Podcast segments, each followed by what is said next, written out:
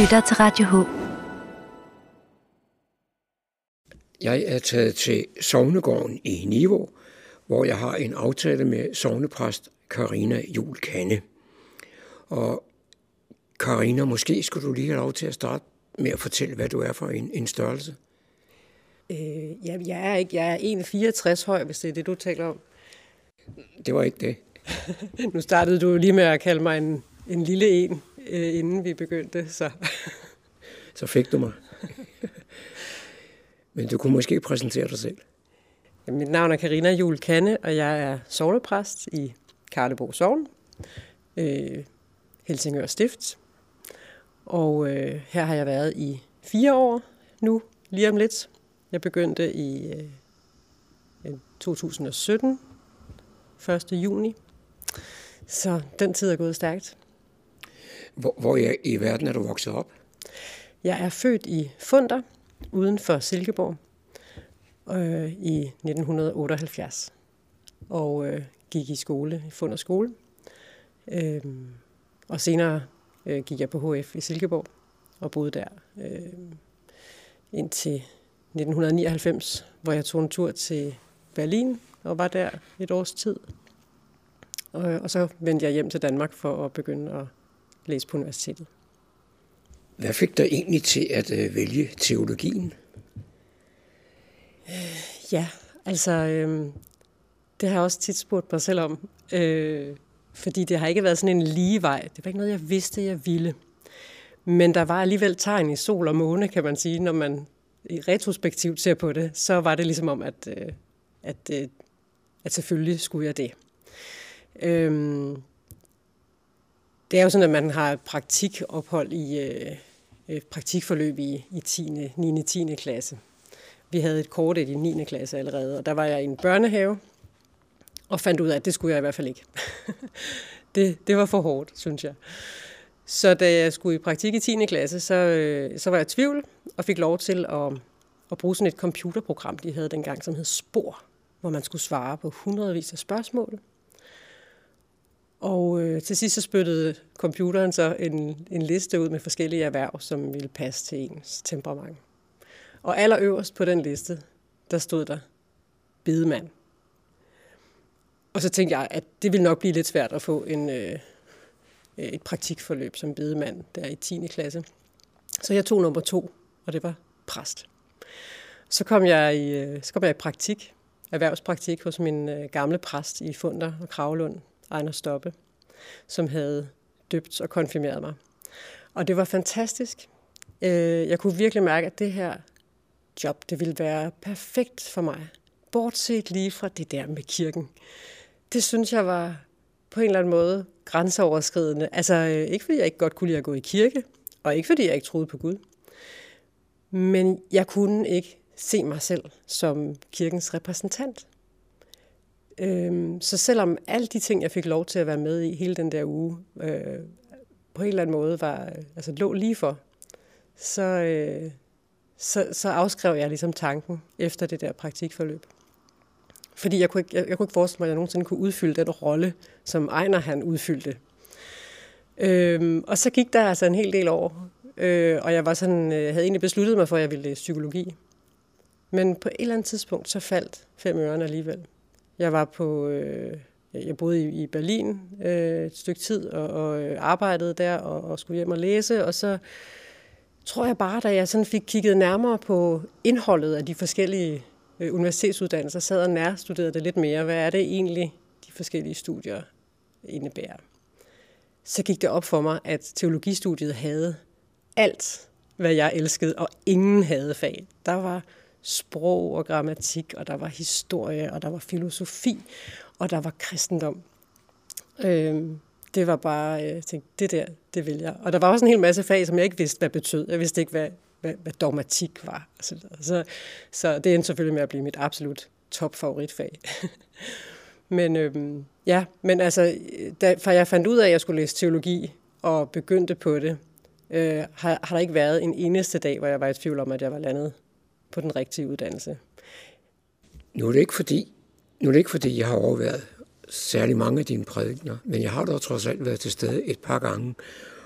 Og øh, Nogle gange så er du lidt overraskende øh, i de ting, du siger, naturligvis, men også i nogle af de ting, du foretager dig fra prædikestolen. Du har alle mulige remedier med, og det er ikke kun, når der er børn til stede, så vidt jeg ved. Det er fuldstændig utilsigtet. Det kommer bare over mig. Nej, det er ikke rigtigt. Øhm, nu ved jeg ikke præcis, hvad det er for nogle øh, situationer, du tænker på. Jeg, jeg plejer ikke at kaste om mig med rekvisitter øh, på prædikestolen, men det er dog sket indimellem. Hvis der har været et, et billede, jeg vil fortælle om, så giver det jo mening lige at sige, jeg hænger det lige her, så I kan se på det bagefter. Men øh, nu du siger rekvisitter, så har jeg faktisk en med. Og øh, det var fordi, at du øh, havde jo fortalt mig, at du ville spørge til mit valg af uddannelse. Og øh, jeg skal nok vende tilbage til det med prædiknerne lige om lidt. Men nu fortalte jeg jo, at jeg havde været i praktik hos min gamle præst i Funder og Kravlund. Og senere hen, da jeg valgte teologistudiet, og hele vejen igennem studiet, der fulgte Ejner mig jo med interesse. Og da jeg så endelig langt om længe øh, blev ordineret, og der gik nemlig lang tid fra jeg var færdig med studiet, og så til jeg besluttede mig for at blive præst, så kørte han fra øh, Midtjylland og så øh, til København for at være med til ordinationen.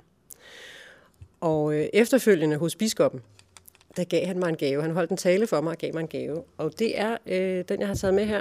Som du kan se, så er det en, øh, den sprallemand. Eller øh, en af den slags øh, sprallemænd, som øh, er lavet af træ. Og Ejner har selv lavet den. Og øh, den her præst, det er simpelthen en lille præst, der hænger. Han er spændt op mellem to øh, stykker træ. Og hvis jeg trykker her, så spræller han. Og det er ikke bare pjat. Der er selvfølgelig tænkt over det. Fordi Ejner, han har teologien i orden. Og han fortalte mig, at han har lavet den her sprællepræst til mig. Øh, som et billede på, at en præst ofte kan være spændt hårdt op. Men samtidig så er det vigtigt, at man husker på, hvad det er, man er spændt op imellem. Øh, så når man står på prædikestolen og laver alle mulige fiksfakserier og, øh, og, øh, og gøjl, så er det meget vigtigt, at man husker på, at det er altså to helt bestemte søjler, vi er spændt op imellem. Og det er øh, øh træenighedslæren og tonaturslæren. Og det er sådan nogle meget dogmatiske begreber. Men det er simpelthen en måde at, øh, at holde mig selv fast på mit teologiske grundlag. Så jeg mener jo, at man kan lave alt muligt, både for børn og voksne, hvor man henter interessante, sjove ting ind i kirkerummet. Så længe jeg husker at spørge mig selv, hvor er den teologiske tråd i det her? Hvor forkynder jeg kristendom i det her? Nu er kirken, og det kirken står for, jo et gammelt hus med en masse traditioner helt tilbage fra, ja, jeg ved ikke hvornår. Er det sådan, at du har taget initiativer til, til, til nye, nye ting, mens du har været her? Lidt, men øh, eftersom at jeg er en ret ny præst, skal lige sige, at jeg blev først øh, jeg blev ordineret til min første stilling i 2016. Øh, så meget af det, der er nyt for mig, det er jo lige præcis gammelt i huset. Øh, både øh, altså har mine kolleger jo øh, mange års erfaring med mange ting. Et eksempel er sovgrupper, øh, som Kirsten har, har haft i mange år, og som jeg jo først er begyndt at prøve kræfter med for et par år siden. Så, så for mig er det nyt, men ikke for sovnet. Øh, jeg har... Øh, ja, øh, jeg har arrangeret eksistenssamtaler, som vist er nogenlunde det eneste sådan sprit nye. Øh, nogle, nogle samtaler aftener, øh, som jeg har holdt sammen med Kirsten, øh, som gik ud på netop at få, få folk til at tale sammen øh, om eksistentielle temaer.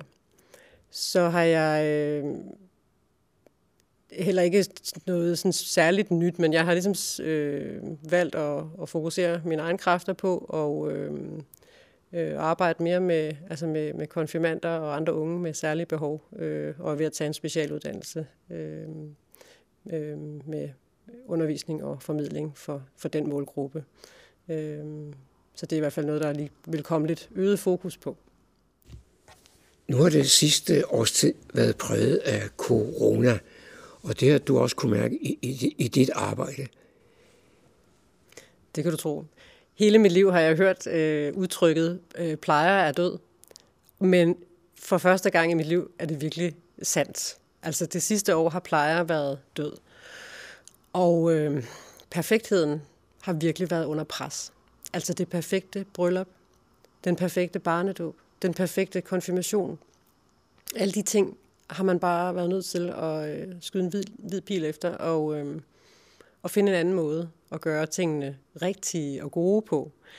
Det har været rigtig svært i forhold til bisættelser og begravelser, øh, fordi det kan, ikke, øh, det kan man ikke bare udskyde og finde en anden, øh, en anden dato og et andet sted at holde det. Og det, skal, det skal foregå, øh, og det skal finde sted, fordi det er led i sådan en vigtig proces. Øh, de andre ting er også vigtige, men, øh, men lige præcis der, hvor man skal tage afsked med et menneske, der har det været rigtig svært. Øh, og, og følelsen af ikke at, altså ikke at kunne virkelig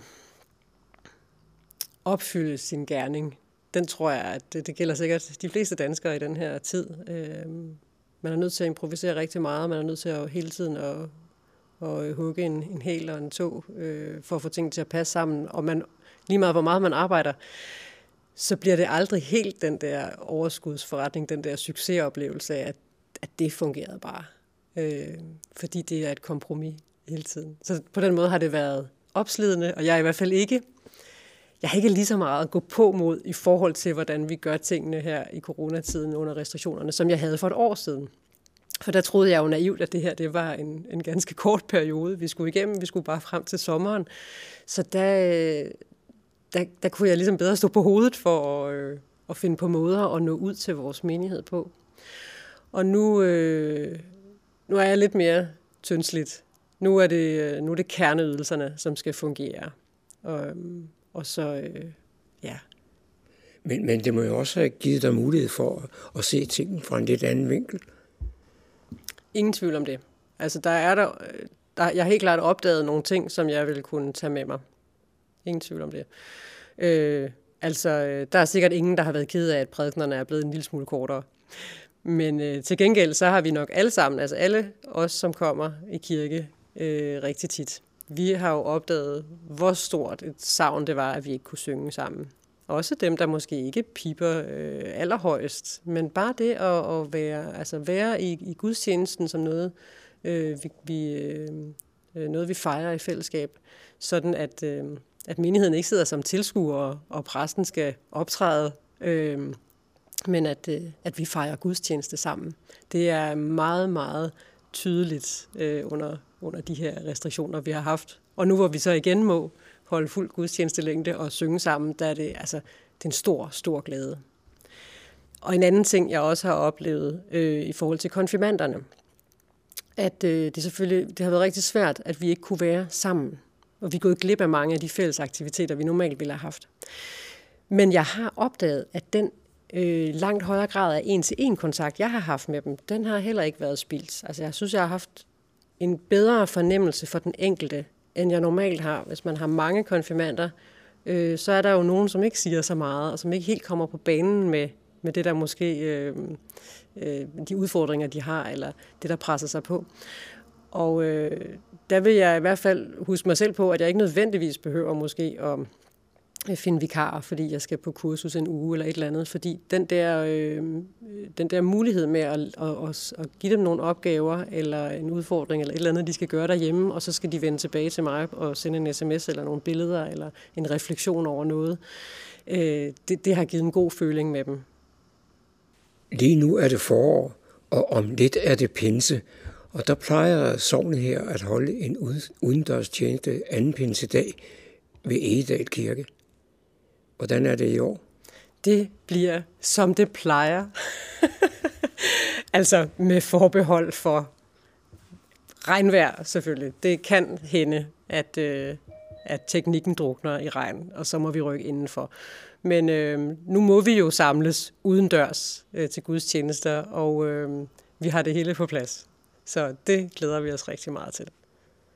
Selvom du siger, at du har meget travlt her i, i dit job i, i Karlbo øh, Sogn, så er der vel også tid til en lille smule fritid og til familien. Ja, det er der. Altså en af glæderne ved at være præst i, og bo i sit sovn, synes jeg jo er netop, at de ting også hænger lidt sammen. Altså jeg kan kan godt tage børnene med på arbejde, øh, hvis, det, øh, hvis det brænder på, og, øh, og øh, coronarestriktioner betyder, at, at de ikke må være det ene eller det andet sted. Øh, og, øh, og omvendt, så, øh, altså, hvis jeg har tid til det, så vil jeg jo rigtig gerne hen i fitnesscenteret, når der ellers er åbent igen, og øh, løfte nogle tunge vægte. Og øh, der møder jeg jo så også mine sovende børn, og så får vi også nogle gange en snak om, om øh, det noget, vi har haft sammen, altså øh, noget, der er sket, eller noget, som skal ske. Øhm, så, så der er også sammenhæng der, ligesom at jeg jo er øh, mor til institutionsbørn og skolebørn her, og, og også der møder øh, de børn, som jeg har til enten det ene eller det andet, og deres forældre. Øhm, men øh, med en mand, som er lokomotivfører, øh, og som ligesom jeg arbejder weekender og aftener og helligdage, så kan det godt være lidt et puslespil at få det til at gå op. Så øh, fritidsinteresser er mest noget, som har med børnene at gøre, og, og så ellers øh, selvfølgelig læse en masse gode bøger øh, og løbe en tur i området.